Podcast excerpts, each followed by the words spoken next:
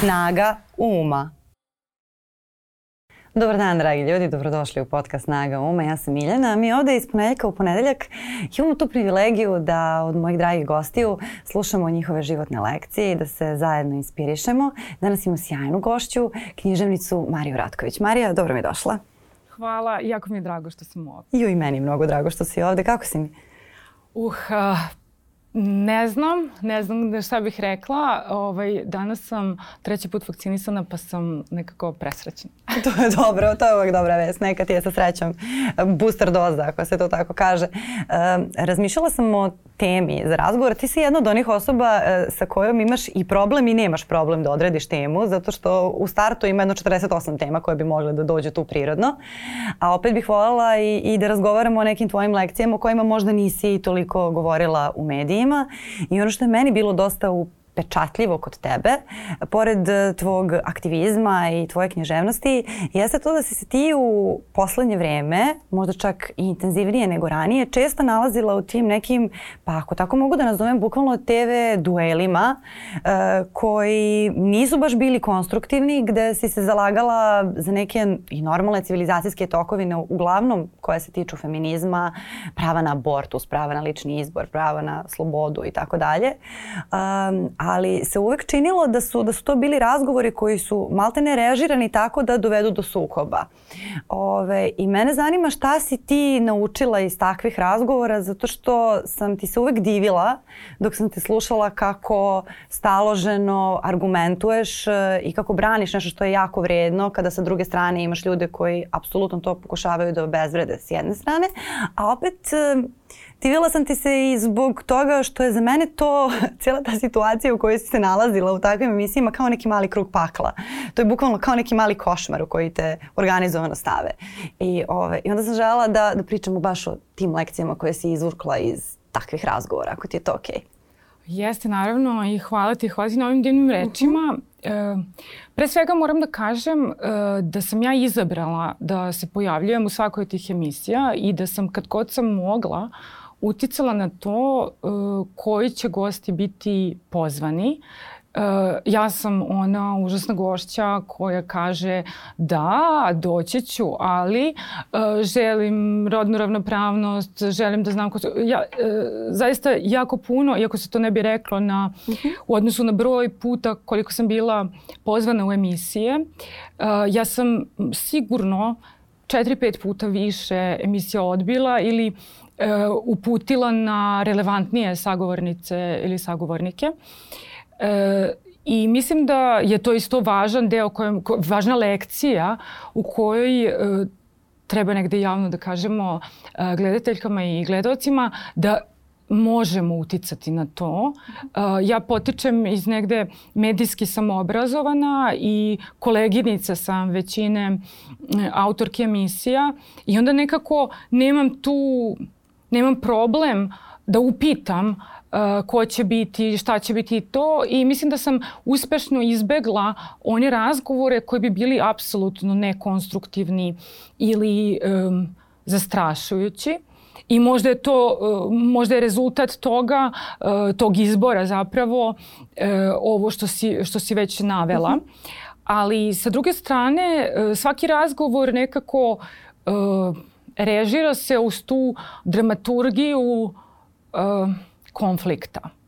Što smatram da je duboko pogrešno, uh, jer ja više volim da učestvujem u razgovorima u kojima se dopunjavamo i baš imam na umu sad nekoliko emisija u kojima sam bila gde sagovornice nisu bile neko uh, ko se raspravlja, nego da sa više strana osvetlimo jednu temu i da nekako u tom miru uh, dođemo do više saznanja i te emisije su isto bile gledane. Mislim, ne, mora sad, ne moramo sad da se bijemo u emisiji da bi ta emisija skočila ovaj, um, um, gledanost.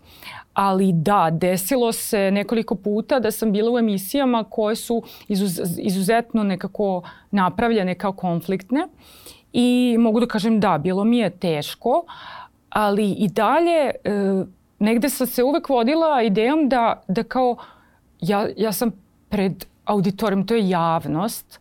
Javnost zahteva jednu specifičnu vrstu samokontrole i e, neke svesti o tome da mi zapravo imamo svoju svrhu zašto smo tu, da smo tu da nešto kažemo i da nas sluša jako veliki broj ljudi i onih koji se sa nama slažu i onih koji ne i da je javnost zapravo jedna prilika koju žene dugo nisu imale i e, teoretičarka Ellen Sixu je to rekla, a ja sam to 50.000 puta ponovila i u svojim tekstovima, da je za ženu uh, samo da govori, samo da otvori usta u javnosti, već prevazilaženje položaja koji je u društvu namenjen. Tako da sam uvek bila svesna toga da sam povlašćena u odnosu na mnoge druge žene koje nikad nisu dobile priliku da e, da javno kažu nešto i jako često zapravo se odazovem tom tom pozivu zašto smatram da je to privilegija. I to je jako lep odnos poštovanja pre svega prema ljudima koji te gledaju ili slušaju ili čitaju i šta god. Ali mi smo svedoci činjenice da ljudi odlaze na televiziju da tendencijozno lupetaju.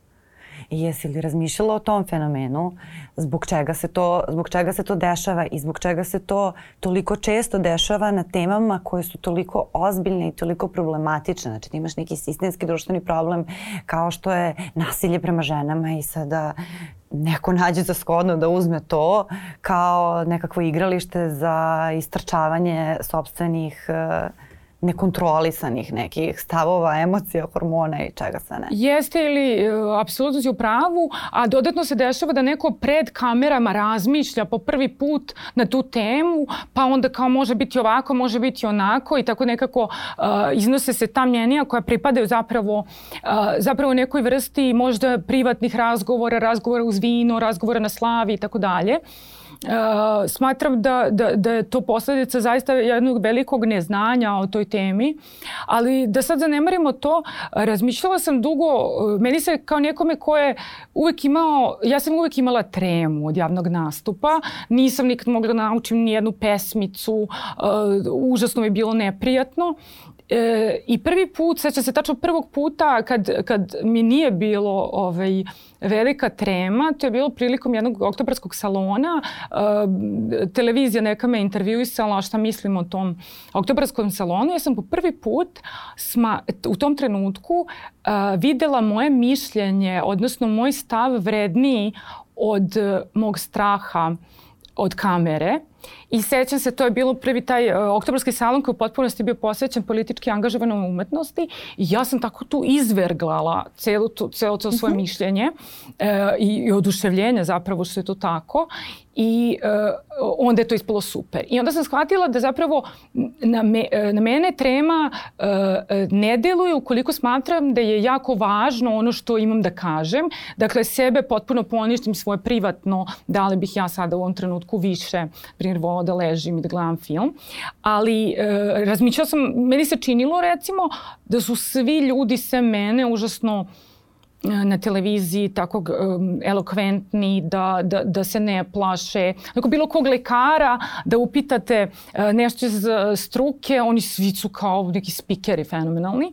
A zapravo poenta u tome da oni dobro vladaju tom uh, temom i da sebe ponište, da jednostavno nije im bitno kakva im frizura i tako dalje. A ovaj, ali razmišljala sam o toj temi i onda sam pogledala taj film uh, Thomasa Winterberga uh, Another Round kad on uh, daje jednu potpuno novu tezu uh, toga da su svi ti ljudi iz javnog života pijeni i drogirani.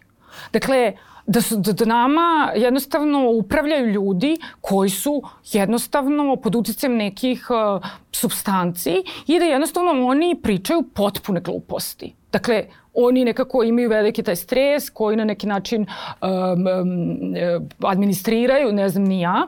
I onda tako dolazimo do onih uh, momenta da ljudi postaju uh, mimovi ili smešni videi i to je recimo u 21. veku meni je opravdan, to je još strah bio još veći, uh mhm. -huh. kao bože šta ću sad kad postane mim.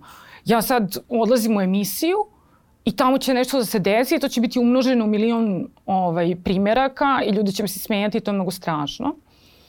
A, ovaj, I onda nekako, mislim, taj strah je uvek bio, uvek bio jak, ali eto, prevazilazim ga uz pomoć uh, terapije, uz pomoć uh, razgovora sa, uh, sa psihološkinjom, odnosno psihijatricom, zato što se ja toga ne stinjam. I naravno, ovaj, da sad ne budem nepoštena, i naravno vezano za uh, treninge javnog govora, jer kao bez toga uh, mislim da bi sigurno I ja imala mnogo, mnogo više grešaka i svi, i svi ostali koji prosto nisu prošli uh, tu školu. Ne može se jednostavno biti uh, neviđeno prirodno talentom za neku tako neprirodnu situaciju kao što je televizija. Da, naročito kad je ta neprirodna situacija kao što je televizija pomnožena još tom dodatno neprirodnom situacijom nekakvog, kako bih rekla, udešenog konflikta.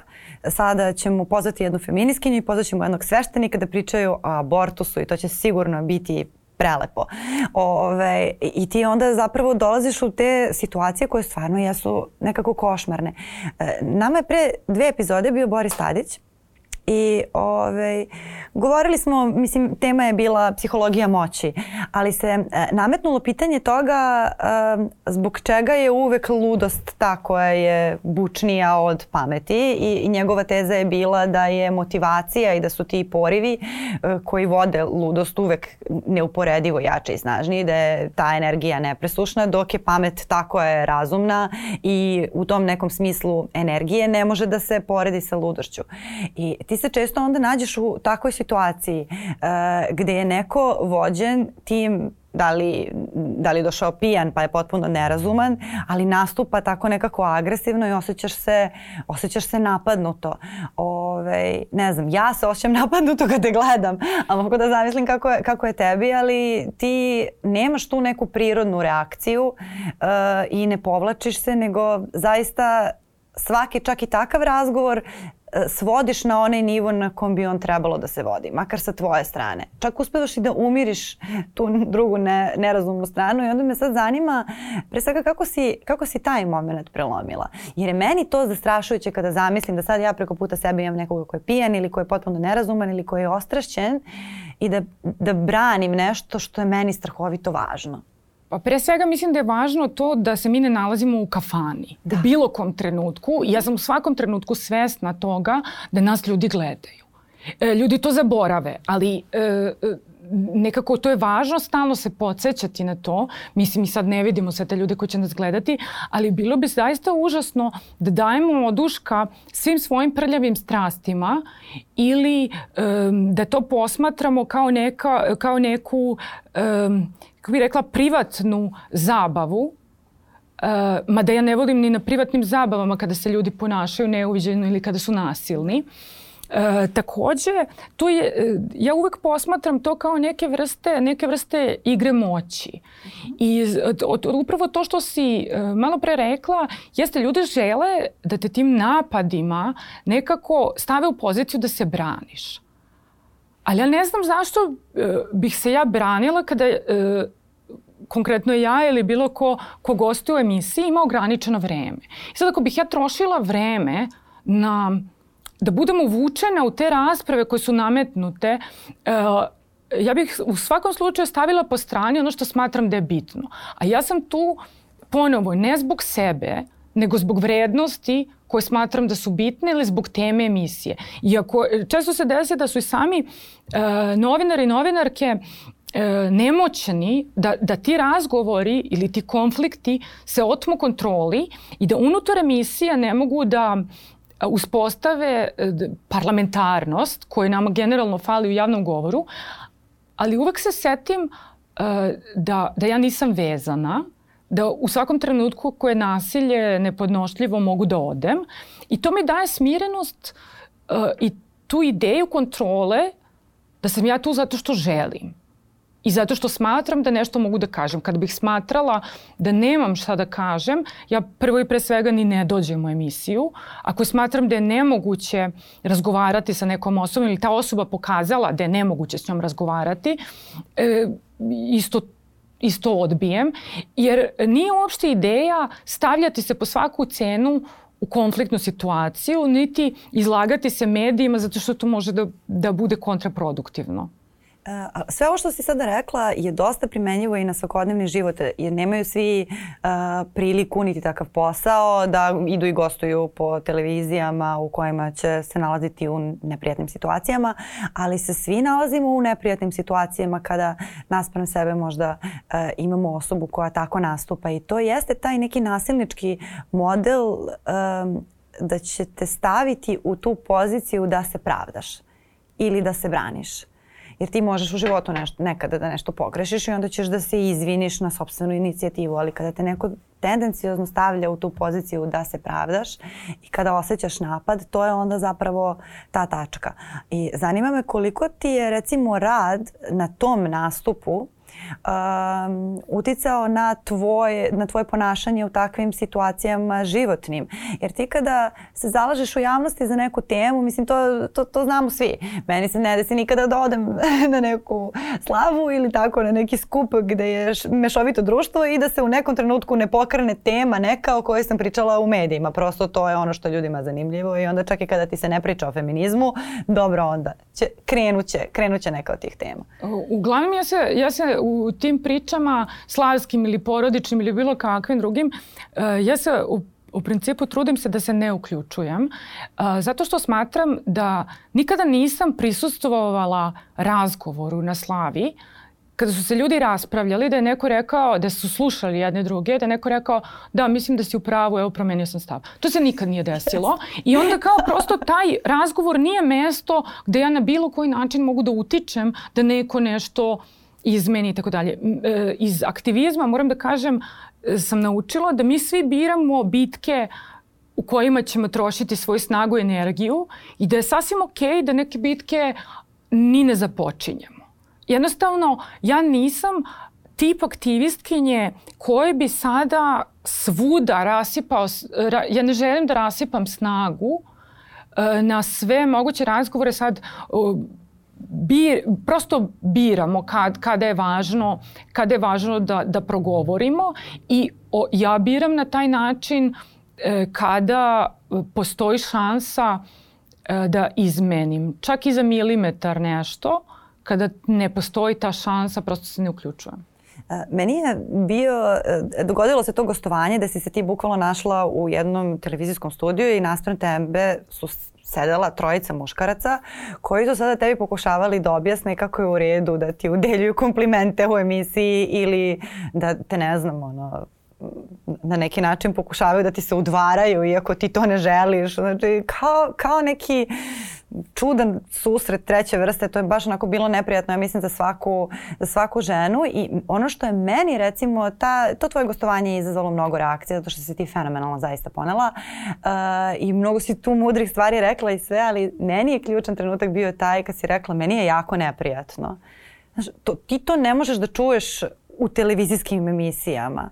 Mislim, to što su njih trojica ostala gluva na to, to je ono posebna priča do koje smo mi mere kao društvo kao potpuno pogubljeni što se toga tiče, ali da, tebi ako sagovornik ili sagovornica izgovori rečenicu, meni je sada trenutno jako neprijatno. Znači u tom trenutku sve mora da stane, ti moraš da se izviniš, znači moramo da idemo dva, tri koraka unazad da vidimo, ne može sad kao nastavljamo da je dobro, idemo na vremensku prognozu, tebi je neprijatno. Da.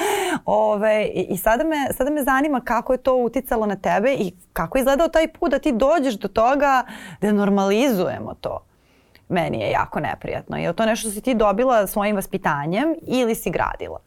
Pa mislim da je jedno i drugo, da mhm. ja sad uopšte ne mogu da se setim šta sam ja sve dobila vaspitanjem, a šta je mhm. učinilo društvo. Ali e, da, e, uvek sam, uvek si dan dana se trudim da što tačnije uh, iskažem sebe, svoje emocije, svoje mišljenje, zaista, se, zaista radim na tome, ali e, smatram da je to ilustracija i to i neka mnoga druga gostovanja tog tipa, ilustracija nasilja koje žene e, trpe. Nije nasilje abstraktno, Pa kao mi sad govorimo o tome nečemu tamo što se izvan dešava, isti ljudi i na isti način, oni koji ne razumeju nasilje ili oni koji ga čine, oni takođe ne primećuju kada ga čine i onda ako ja kažem jako mi je neprijatno ili loše mi je, neko će me ubeđivati da sam ja to pogrešno ili kao zašto se tako osjećaš ili tako dalje. Potpuno je irelevantno kada neko kaže tužan sam ili neraspoložen sam, ubeđivati tu osobu da to nije tako. A to je kao neki deo folklora. I to je deo folklora uh -huh. i to je mhm. upravo nasilje koje se čini na, i nad sasvim malom decom. Dete kaže spava mi se, a roditelj kaže nemoj sad, nego ajde ovo. I onda nekako uh, uh, mi time ubeđujemo uh, još ljude od kad su jako mala deca uh, da, da, da, da njihovo, njihove reči nisu relevantne i da ne čine nikakvu razliku. Da je potpuno sve jedno da li će oni govoriti. Kad govorimo o generalnom nasilju ili kad govorimo bilo šta o ženskoj emancipaciji, često se govori o tome da žene ne govore, da deca ne govore. To nije tačno, mnogi govore. Ali e, nasilnicima to nije bitno. E, taj glas e, potlačenog ne čini razliku. E, dakle, zato što je moć sa druge strane. Jacques Rancière je više puta to e, rekao, e, nemoguće je izmeniti situaciju nejednakosti iz pozicije slabijeg. Mislim, to nije moguće. Jednostavno zato što se nad nama čini neka represija ili nad nama se čini neka... I onda ono što jedino možemo da učinimo iz te pozicije, a mislim to na, na filozofskom smislu, da je učinimo vidljivim Da učinimo vidljivim to nasilje, da kad ja kažem neprijatno mi je, oni svi odigraju svoje uloge koje inače u društvu ima i zbog čega na prvom mjestu i pričamo o nasilju ili o a, ružnim komentarima i tako dalje. Jer ti ružni komentari nisu nešto abstraktno što su izmislile feministkinje. Oni će se pojaviti bilo kom razgovoru ovaj, i nekako ljudi će pokazati ono što je njima uobičajen način ponašanja, a što ovaj, borkinje za ljudska prava ili feministkinje žele da izmene. Da. I sad uh, zanima me uh, koliko je tebe to sve iznenadilo? Koliko su te, na primjer, konkretno iznenadile sve te reakcije koje su došle nakon te emisije? Jer ako govorimo o tim stereotipnim podrazumevanjima iz pozicije moći, e, čak i kada se zove feminiskinja da objašnjava čoporu muškaraca zbog čega je nedopustivo da je smaraju, ove, e, to, to će se uglavnom staviti u taj kontekst da je ona neka tamo ljuta žena koja je nešto tu došla da se žali, a oni su u stvari duhoviti i vrcavi, oni su super, i oni su šmekeri, oni ne žele ništa loše, nego ajde ti opusti se. Ove, a, a ti zapravo si jako dobar penicilin za takve teme, mislim to je moje lično mišljenje, zato što ti zaista jako kvalitetno to sve ogoliš i zaista ih prikažeš u onom svetlu uh, u kom ja mislim da većina žena vidi takve muškarce, jer nijedna žena ne misli da su ti muškarci zaista šmekeri. To oni misle među sobom. Ali ti to baš onako jako lepo objasniš. Kako si došla do toga? Pa zapravo to, upravo si odgovorila na to pitanje. Uh, smatram da, da javni život nije ništa drugo od, od našeg privatnog u tom smislu da se isti mehanizmi uh, ponavljaju, da su to isti ljudi, sad su samo u drugoj situaciji, ali meni je zaista fascinantno kako se jako često desi da ljudi nisu svesni da su oni na televiziji, da ni sad upravo na televiziji dogovore uh, nešto, zapravo ponašaju se na drugačiji način i onda nekako, to je meni zanimljivo, e, ti si pomenuo to obraćanje. Ja se nikada ne obraćam tim ljudima kod kojih ja ne mogu jednostavno da izmenim ništa. Oni misle ono što misle i to je okej. Okay. Ali ja, mene bi bilo sramota e, da ja u svom govoru ili svom, e, svojim ponašanjem izdam sebe ljude koji me vole, ljude koji me poštuju, Jer ja uvek pomislim, mislim, moji roditelji ne gledaju ovaj, televizor, oni gledaju, uglavnom, možda ako gledaju, gledaju neke edukativne emisije, sigurno ne gledaju te u kojima ovaj, njihovu čerku neko mrcvari, ali ja uvek pomislim, Bože, sad kad, kad bi moja mama i tata gledali, ja nikad ne bi volela da se oni posrame ili da, da, da, da nekako, da ja budem nešto drugo od onoga što sam inače u privatnom životu.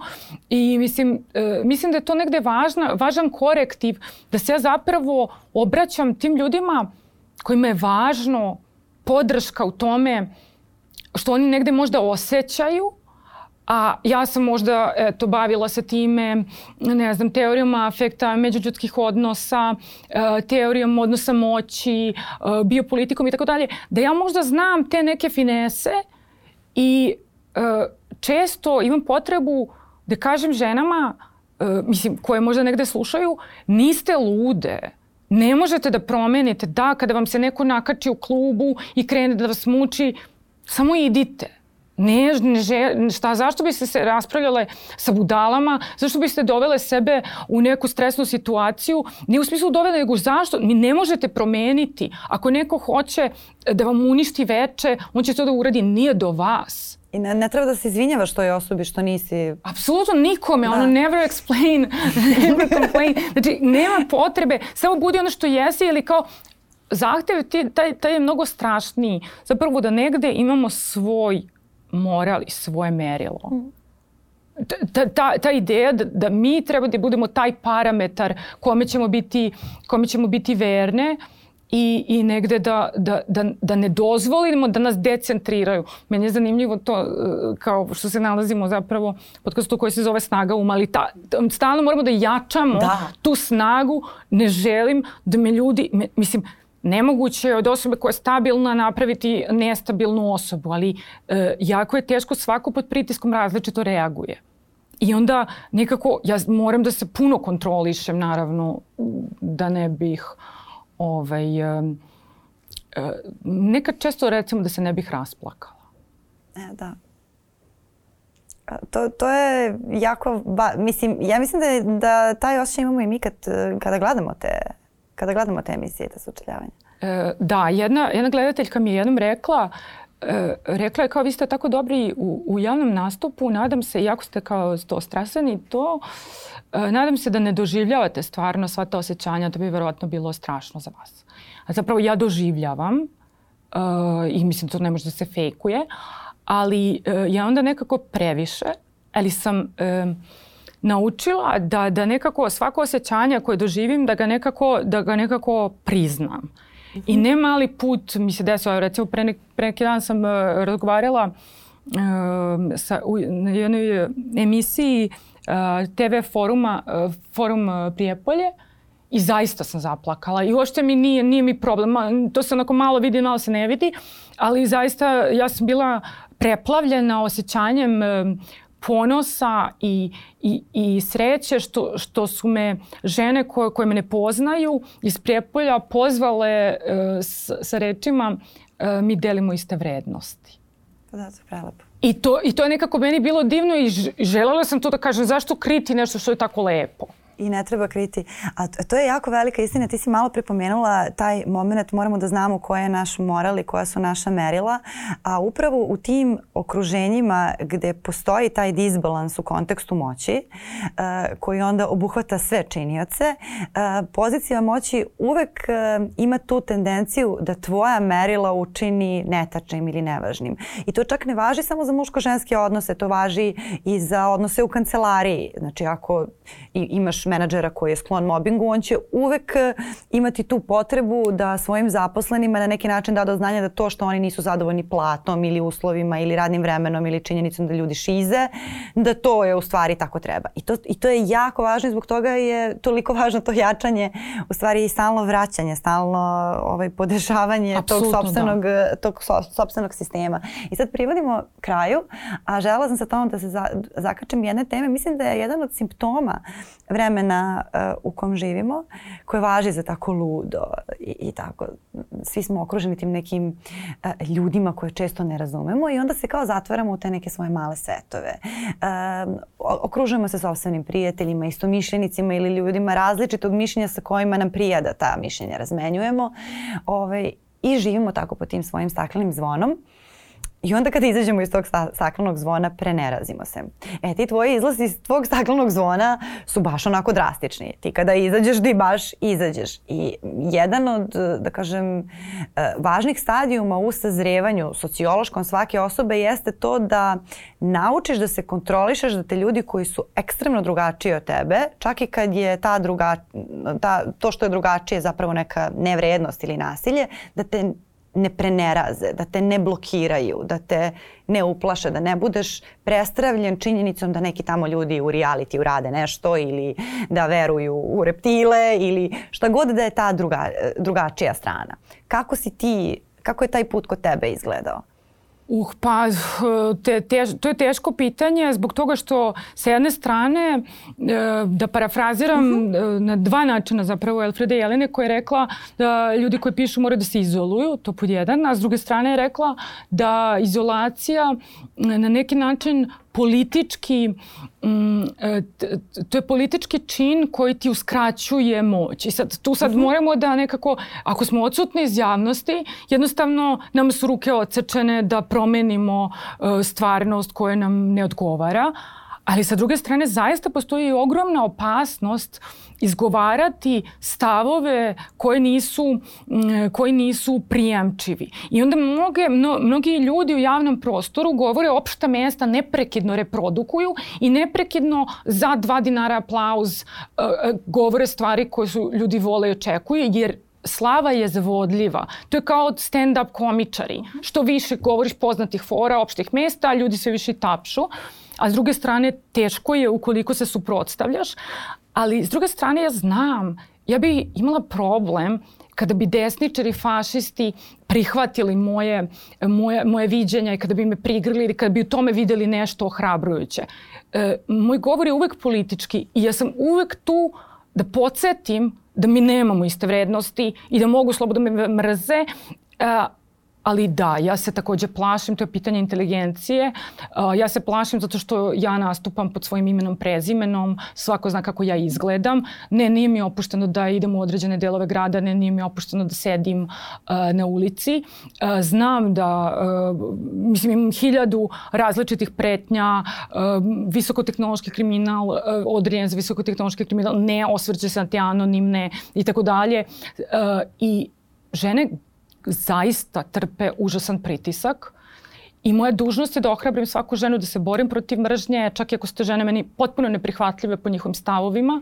Smatram da smo mi sve u istom problemu, da smo sve na isti način zlostavljane, da smo sve na isti način učutkivane i ja zaista uh, ohrabrujem što više žena da budu u javnom prostoru zbog toga što će onda nama biti lakše ljudi će se navići na to da ne mogu jednostavno samo da mi kažu ružna si i da ja prestanem da govorim ili ne znam bilo šta drugo. E, ali takođe govor nam omogućava da znamo svoje pozicije, da utvrdimo svoje pozicije i da pronađemo put do nekih mm, ljudi do kojih ne bismo dose, dosegli inače. Uh, I sećam se, to nikad neću zaboraviti, ovaj, Teodora Okova slušaš, čao. Uh, Teodora mi je jednom rekla, uh, jedna mala devojčica iz Bujanovca rekla, znaš kako je teško biti feministkinja u Bujanovcu.